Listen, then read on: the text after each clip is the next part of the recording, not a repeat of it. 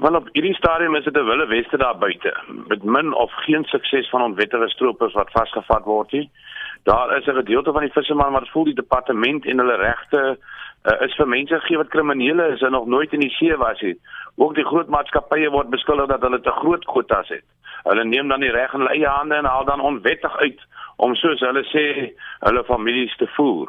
Kom ons sê dat die gemeenskap, jy weet, mense oorval met inligting oor hierdie stroopers, maar ek gaan sien toe dan uh, kry ek baie inligting sommer oornag. Ehm um, en dis oop en bloot wat gestroop word as jy kyk na die foto's wat oral op sosiale media is, maar die polisie kan nie die inligting bekom of gebruik nie. Maar die polisie is te bang om op te tree want indien hulle die stroopers aankeer en stop om te duik, dan gaan die huisbraak statistieke weer op. Hulle word net gekritiseer en beoordeel daarop. Dit weeg vir hulle swaarder onwettige stropery is definitief 'n misdaad wat deur die SAPS vasgevat moet word. Die Groen Howe moet um, heringestel raak met kundige aanklaers wat hierdie spesifieke misdade kan vervolg. Dan moet hulle nou saamwerk met die departement van visserye wat die inligting verskaf en weet wie mag duik en wie mag nie duik nie.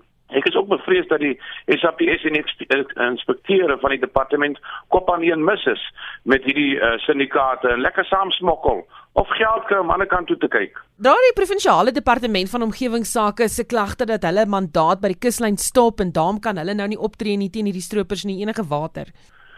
Wel nee, want daar moet 'n spesialis eenheid wees wat bestaan uit die departement van omgewingsake, die departement van visserye, die SAPD en die departement van justisie om saam te werk. Die koördinasie is van uiterste belang aangesien hierdie misdaad al vier hierdie entiteite oorvleuel. Daar was in die verlede baie goeie sukses toe daar 'n operasie Neptune was wat net mooi dit gedoen het. Groot syndikaate is toe aan die kaak gestel en ehm um, die perlemoenstropery het baie afgeneem. Daar's 'n uh, algemene tipe van 'n um, ongemaklikheid en 'n effens opstandigheid onder die lede van die publiek oor hierdie stroopers wat sommer openbloot stroop elke dag, hulle van die strande verjaag as hulle wil net op die strand gaan loop byvoorbeeld. Ja, ek wil ook net vir jou sê dat van die inspekteure ehm um, wat werk, hulle werk kantoorure tussen 4 uur en 8 uur die oggend. Dan daarna, daai tussen daai tyd is dit 'n free fall. Hulle is ook nie goed gewapen nie. Die poachers het ook baie beter wapens en dan word hulle nou min betaal. Hoekom sal hulle moeite doen. Die tyd is verby waar mense aangestel is wat werk, 'n uh, spesiale passie en 'n dryf moet hê. Nou bestaan dit nie meer en die mense is maar net daar om poste te vul en om so min as moontlik te doen vir soveel as moontlik geld. Nou op die punt van jou waar op wie se hande gaan die bloed wees? Die bloed gaan op die president se hande wees omdat hy nie sy ministers verantwoordelik hou om hierdie misdaad vas te vat nie.